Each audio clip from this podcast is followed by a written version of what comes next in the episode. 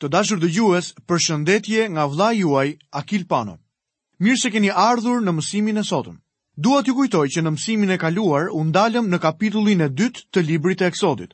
Brenda këtij kapitulli, pamë se si të gjithë bijtë e Izraelit ishin skllevër në Egjipt. Perëndia ishte duke u kujdesur për ta dhe po i shtonte shumë.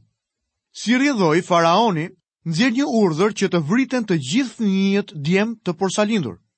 Ndërkohë që shohim të lindë Mojsiu dhe pamë se si mrekullisht ai u gjet në ujë nga e bija e faraonit, e cila e mori dhe e bëri bir të sajnë. Përgjatë këtij kapitulli, shohim se si Mojsiu rritet dhe edukohet në pallatin e faraonit dhe kur arrin moshën 40 vjeçare, kupton që ishte një izraelit dhe me dhimbje fillon të shikojë vuajtjet e popullit të tij ndërsa ata ishin skllevër. Pasi Mojsiu ndërhyn për të ndalur egjiptasin që ishte duke rrahur një bashkëkombës të tij, Mojsiu e vret egjiptasin dhe i detyruar prej kësaj vrasje, vendos të ikë nga Egjipti. Në arratinë e tij, të paplanifikuar, shohim që me gjithë dëshirën e tij të madhe për të bërë diçka për popullin e tij, ai s'mund të bëjë asgjë veçse të ikë. jeta e tij merr një drejtim krejt tjetër. Të dashur dëgjues, në mësimin e sotëm do të shohim thirrjen e mrekullueshme dhe të lavdishme të Mojsiut, takimin e tij me Perëndinë. Atëherë pa vonuar le të fillojmë menjëherë mësimin tonë duke lexuar në kapitullin e tretë të librit të Eksodit, vargun e parë dhe të dytë. Ndërkaq Moisiu po kulloste kopenë e Jethros, vjehrrit të tij dhe prift i Madianit. Ai e çoi kopenë matanë shkretëtirës dhe arriti në malin e Perëndisë në Horeb. Dhe engjëlli i Zotit iu shfaq në një flakë zjarri në mes të një ferrishteje. Moisiu vështroi dhe ja, që ferrishtja po digjej nga zjarri por nuk konsumohej. Mojsiu u kthye të shihte se përse ferrishtja po digjej por nuk po konsumohej. Një nga provat më të mëdha të saktësisë së shkrimit është ekzistenca e kombit të Izraelit. Vite më parë një perandor gjerman e pyeti kapelanin e vet. Cila është prova më e madhe që tregon se Bibla është fjala e Perëndisë? Ajo provë është diku në mbretërinë time. Pa hezitim kapelani i tha, Hebrenjtë zotëri, ata janë prova. Hebrenjtë janë ferrishtja që digjet dhe që duhet ta bëjë jobesimtarin të kthehet dhe t'i vështrojë sot. Është e mahnitshme të shohësh se si kanë ekzistuar nëpër shekuj. Ai komb ka ekzistuar që nga koha e Mojsiut dhe deri në ditët tona. Kombe të tjerë kanë ardhur dhe kanë shkuar, ndërsa ai kombi i hebre është ende. Nëpër shekuj, Izraeli ka qenë në zjarrin e persekutimit nga skllavëria në Egjipt e deri më sot. Por ashtu si ferrishtja që digjej, por nuk konsumohej dhe ai nuk është konsumuar, meqë ra fjala. Kur keni parë për herë të fundit një midianit? A keni parë flamurin e Midianit? A dini ndonjë gjë për qeverinë e Midianit? As ti dhe as unë nuk dimë gjë, sepse Midiani nuk ekziston më, është zhdukur. Engjëlli i Zotit që iu shfaq Moisiut nuk është askush tjetër, veçse Krishti i paramishëruar. Disa njerëz do të debatonin ashpër për këtë përfundim, por megjithatë, kjo është bindja ime pas vitesh të tëra studimi në fjalën e Perëndisë. Tani do të lexojmë vargjet 3 deri në vargun e 5. Atëherë Moisiu tha: Tani do të zhvendosem për të parë këtë shfaqje madhështore, pse ferrishtja nuk po konsumohet. Zoti vuri re që ai ishte zhvendosur për të parë, dhe Perëndia e thirri nga mesi i ferrishtes dhe i tha: Moisi, Moisi, ai u përgjigj: Ja ku jam. Perëndia tha: Mos u afro këtu. Hiq sandalet nga këmbët sepse vendi në të cilën ndodhesh është vend i shenjtë. Perëndisë i duhej të korrigjonte sjelljen e Moisiut. Edhe pse ishte rritur në oborrin e faraonit, Moisiu nuk dinte aq sa duhej për të hequr sandalet në praninë e një perëndie të shenjtë. Dhe druaj se shumë njerëz sot bëhen kaq shumë të njohur me Perëndinë, saqë veprojnë si Moisiu. Perëndia po i mëson atij një mësim të rëndësishëm rreth shenjtërisë së tij. Ne sot kemi shumë nevojë të mësojmë të njëjtën gjë. Le të lexojmë vargun e 6. Pastaj tha dhe këto fjalë: Unë jam Perëndia i atit tënd, Perëndia i Abrahamit, Perëndia i Isakut dhe Perëndia i Jakobit. Dhe Moisiu fshehu fytyrën e tij, sepse kishte frikë të shikonte Perëndinë. Moisiu nuk e pa Perëndinë. Po ta kishte parë, do të shihte zbulimin e Perëndisë, Zotin Jezu Krisht në formë njerëzore. Mund të thuhet përsëri, askush s'e pa Perëndinë kurrë, i vetëmlinduri Bir që është në gjirin e të Atit, është ai që e ka bërë të njohur. Mënyra e vetme që mund të njohësh Perëndinë është përmes Zotit Jezu Krisht. Le të shikojmë më poshtë vargjet 7 dhe 8. Pastaj Zoti tha, sigurisht që e kam parë pikëllimin e popullit tim që ndodhet në Egjipt dhe e kam dëgjuar britmën e tij, për shkak të shtypësve të tij, sepse i njoh vuajtjet e tij. Kështu zbrita për ta çliruar nga dora e egjiptasve.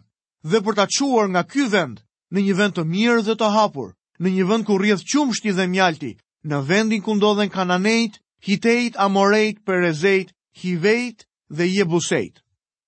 Kur Perëndia shpengon, ai jo vetëm shpengon nga diçka, ai gjithmonë shpengon për të të drejtuar në diçka tjetër. Ne jemi shpëtuar nga mëkati për në shenjtëri dhe parajsë. Apostulli Pal e shpjegon këtë koncept tek letra drejtuar Efesianëve, kapitulli 2, vargjet 5 dhe 6. Edhe atëherë kur ishim të vdekur në faje, na dha jetë me Krishtin. Ju jeni të shpëtuar me anë të hirit dhe na ringjalli me të dhe me të na vuri të rrimë në vendet qiellore në Krishtin Jezus. Perëndia na ringjalli dhe na ka dhënë një vend në Krishtin. Nëse jemi shpëtuar sot, jemi shpëtuar tërësisht. Do të jeni njësoj të shpëtuar edhe pas një milion vjetësh, sepse jeni në Krishtin.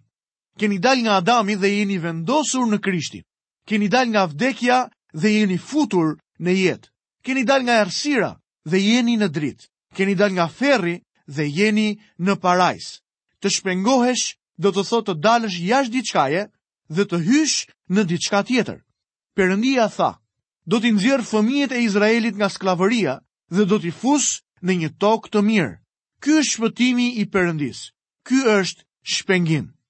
Lexojmë vargjet 9 deri 11. Dhe tani ja britma e bijve të Izraelit ka arritur deri tek unë dhe kam parë gjithashtu se si egjiptasit i shtypin Prandaj eja, dhe unë do të dërgoj tek faraoni me qëllim që ta nxjerrësh popullin tim, bijtë e Izraelit nga Egjipti. Por Moisiu i tha Perëndisë, kush jam unë që të shkoj tek faraoni dhe t'i nxjerr bijtë e Izraelit nga Egjipti? A jeni duke e vënë re se çfarë i ka ndodhur Moisiut? 40 vjet para këtij çasti, ai ishte gati ta çlironte Izraelin, ai ishte kryelartë dhe pothuajse arrogant. vrau një egjiptian dhe çliroi një nga vëllezërit e tij nga persekutimi, sepse mendonte se do ta kuptonin veprimin e tij. Mendonte se mund ta çlironte vetë Izraelin, por mësoi se nuk mund ta bënte këtë gjë. Perëndia e çoi në shkretëtirë për t'i dhënë një mësim që do ta bënte gati për punën që e priste. Ai mësoi se sa i dobët ishte në të vërtetë. Mësoi se nuk mund ta çlironte i vetëm Izraelin. Tani Moisiu po i thotë Perëndisë. Kush jam unë? Nuk mund ta bëj këtë që po më kërkon. Miqtë e mi tani është koha kur Perëndia mund ta përdorë atë. Kështu i përgatit Perëndia njerëzit e tij. Atij iu desh ta merrte djaloshin David pak kohë, pasi mundi një gjigant dhe ta çonte nëpër shpella dhe gropa ku e gjuanin tamam siç gjuhet një thëllëzë. Aty Davidi, heroi, mësoi se sa i dobët ishte. Vetëm atëherë Perëndia mundi ta bënte atë mbret. Elia profeti kishte guxim të hynte në oborrin e Ahabit dhe Jezebelit dhe t'u thoshte atyre: Nuk do të ketë as vesë, as shi gjatë këtyre viteve, veçse me fjalën time. Elia nuk ishte aq trim sa dukej. Perëndia e vuri atë atje ku i mëson gjithmonë njerëzit e tij, në shkretëtirë. Elia piu ujë nga një përrua, por përroi u tha nga thatësira. Ndërsa e shihte që uji po pakësohej gjithnjë e më tepër, tha: Jeta ime nuk është më shumë se një përrua i tharë. Edhe Elia kishte të drejtë. Më pas kaloi ca kohë duke ngrënë nga një fuçi mielli bosh. Aty mësoi se sa ishte një hiç dhe se Perëndia ishte gjithçka. Vetëm kur e kuptoi se kush ishte në të vërtetë, Perëndia e përdori për t'u përballur me profetët e Balit dhe të sillte zjarr nga qielli mbi ofertat.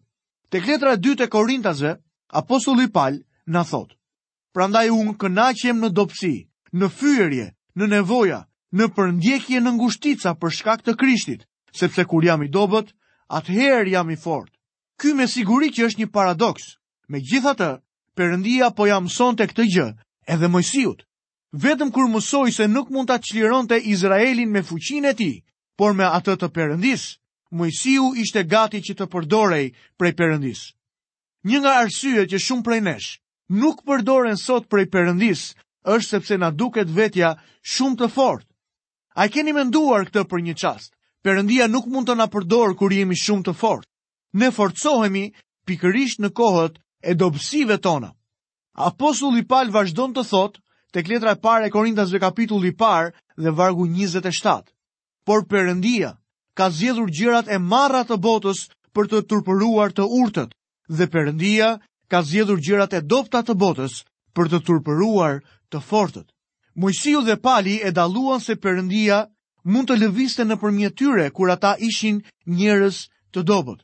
Është e mahnitshme çfarë mund të bëjë Perëndia përmes një lundre të dobët. Lexojmë vargun e 12 dhe 13. Perëndia tha: Unë do të jem me ty, dhe kjo do të jetë për ty shenja që të kam dërguar unë. Kur ta kesh nxjerr popullin nga Egjipti, ju do t'i shërbeni Perëndisë mbi këtë mal. Atëherë Moisiu i tha Perëndisë: Ja, kur të shkoj tek bijtë e Izraelit dhe t'u them, Perëndia i etërve tuaj më ka dërguar tek ju. Po të jetë se ata më thonë, Cili është emri i tij? Ç'përgjigje duhet t'u jap? Pyetja që ka bërë Moisiu është e natyrshme. Jam i sigurt se ne të gjithë do të kishim bërë të njëjtën pyetje. Moisiu druhej se bijtë e Izraelit nuk do ta pranonin kurrë atë. Ai nuk dinte se si t'ua shpjegonte atyre Perëndinë. nuk e dinte se si do t'i sillte izraelitët në Malin e Perëndisë. Këto ishin problemet me të cilat u përball Moisiu. Por vini re me kujdes se si u përgjigj Perëndia atij. Lexojmë vargun e 14. Perëndia i tha Moisiut: Unë jam ai që jam. Pastaj tha: Do t'u thuash kështu bijve të Izraelit: Unë jam-i më ka dërguar tek ju. Pa dyshim që në emrin unë jam, përfshihet më shumë se kaq, por ka disa gjëra të një rëndësie më të madhe që duhet të konsiderohen. Emri unë jam është një tetagram ose një fjalë prej katër gërmash. Ne e përkthejmë atë Jehova. Gjithashtu përkthehet si Jahue. Si e shqiptoni ju atë? Ai u bë një emër i shenjtëruar, një emër i shenjtë për fëmijët e Izraelit, deri në atë masë sa ata harruan se si ta shqiptonin atë. Për të shmangur blasfemimin e emrit të tij, ata nuk e përdornin më. Cili nga emrat është i saktë atëherë? A është Jehova apo Jahue? Asnjë nuk e di. Po unë jam është emri i Perëndisë. Tek Zanafilla, perëndia shfaqet si krijuesi. Ai është Elohim, perëndia i plotfuqishëm, vetekzistuesi. Unë jam ai që jam. Ky është perëndia që po e dërgon Moisiun për të çliruar bijtë e Izraelit. Në psalmin 135, vargu i 13, psalmisti thotë, O Zot, emri yt rron për jetë. Kujtimi yt, o Zot, brez pas brezi. Emri Zoti në këtë varg mund të përkthehet unë jam ai që jam. Është e rëndësishme të kuptohet se ky emër flet për faktin se Perëndia është. Le të shikojmë më poshtë se çfarë kapitulli i 3 na tregon për dërgimin e Moisiut. Kishte ardhur koha për përmbushjen e premtimit të Jozefit, siç ishte pohuar në librin e Zanafillës, kapitullin e 50 dhe vargun e 25. Perëndia me siguri do ta vizitojë. Perëndia i tha akoma Moisiut, Do të thuash kështu bijve të Izraelit, Zoti Perëndia i etërve tuaj, Perëndia i Abrahamit, Perëndia i Isakut dhe Perëndia i Jakobit më ka dërguar tek ju. Ky është emri im përjetë. Ky ka për të qenë gjithnjë emri im me të cilin do të kujtohem nga të gjitha breznitë. Perëndia i ishte shfaqur Abrahamit, Isakut dhe Jakobit.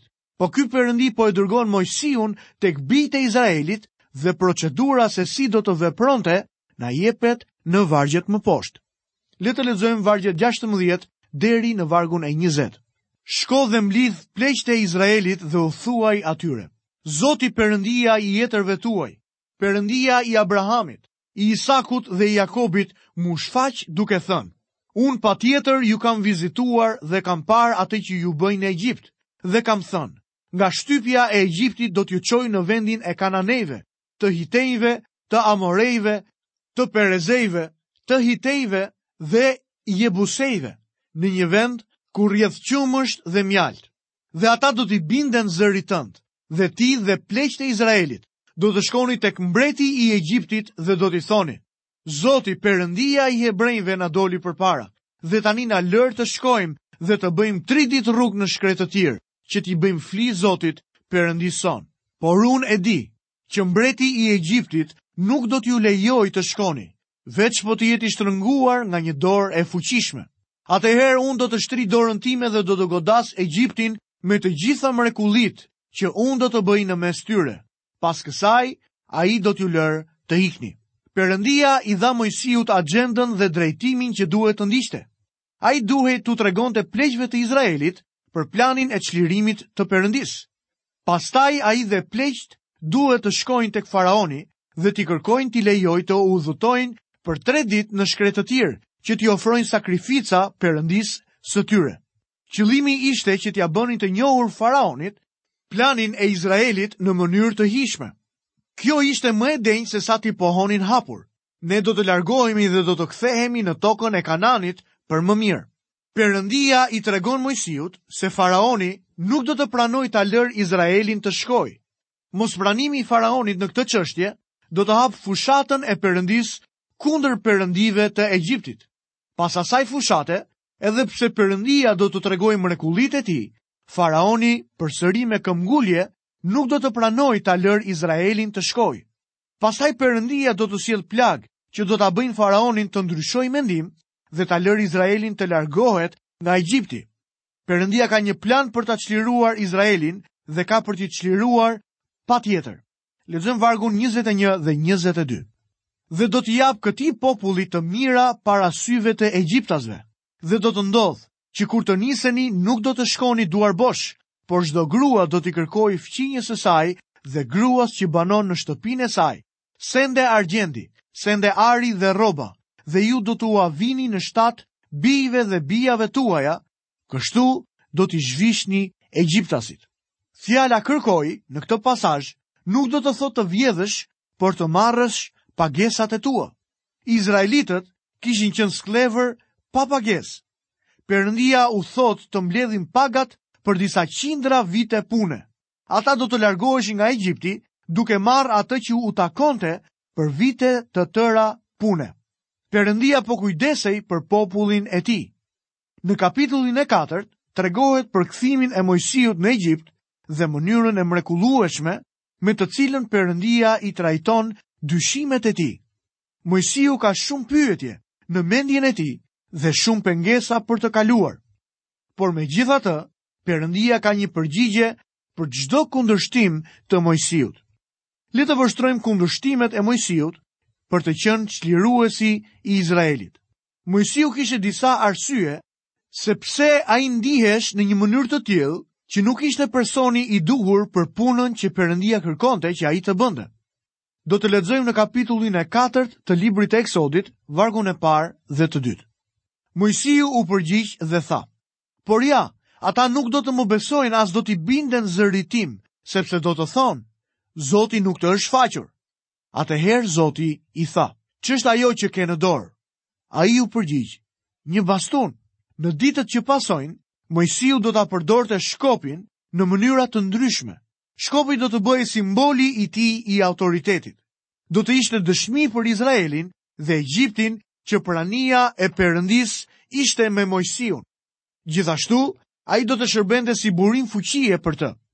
Lexojmë vargun e tretë. Zoti tha, hidhe për tokë, ai e hodhi për tokë dhe shkopi u bë një gjarpër, para të cilit Moisiu iku me vrap. Kur Moisiu e hodhi shkopin në tokë, ai u kthye në një monstër të vogël. Vërejmë se nuk kishte ndonjë pushtet në shkop. Ai thjesht është një instrument dhe mund të përdoret si nga Satani, ashtu edhe nga Perëndia. Për shembul, krahasoni një kartëmonedhë dollari me një shkop. Dollari mund të përdoret për të paguar për një vrasje ose për prostitucion, kumar, alkool e shumë të tjera. Me fjalë të tjera, ky dollar mund të bëhet një gjarpër.